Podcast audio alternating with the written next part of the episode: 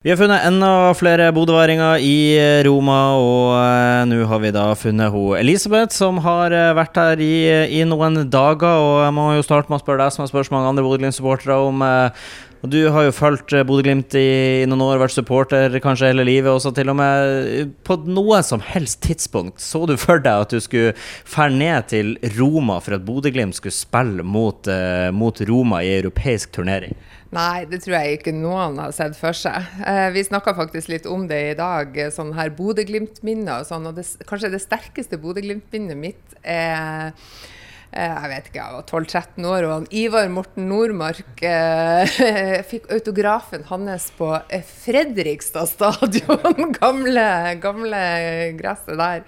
Eh, jeg var kjempeung og liksom Ja har, faren min har dratt meg med hele livet, og sånn, og um, han er dessverre på sykehus nå.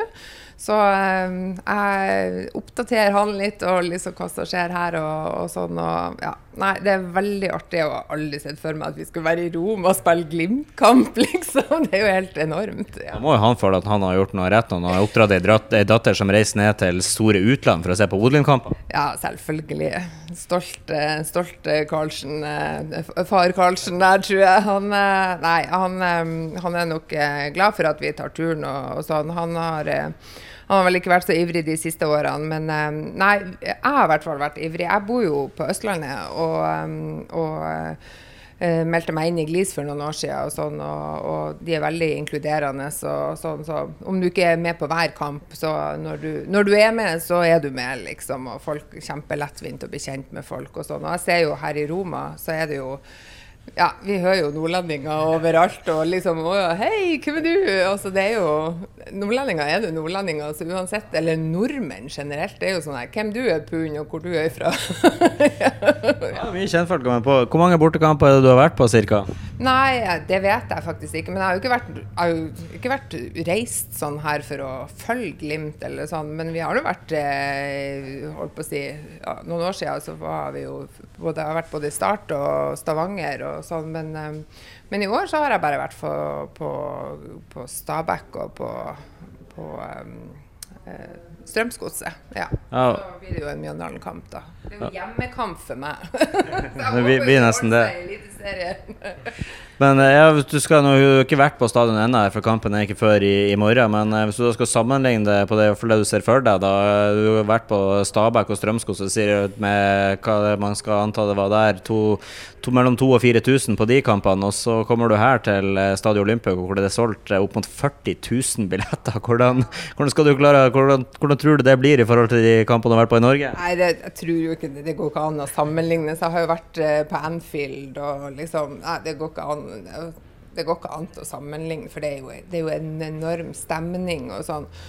Men jeg har jo litt sånn her Vi fikk jo liksom eh, høre Nei, ikke kle dere i supporterutstyr og liksom sånn, gå rundt i byen sånn. Men vi har bare møtt folk som syns det har vært dritkult at Bodø! Ja, Bodø! Yeah! You beat Roma! Men de holder hold ikke med Roma. ja, så det har vært litt sånn. Ja. Litt annet hvis du møter de som holder med Roma?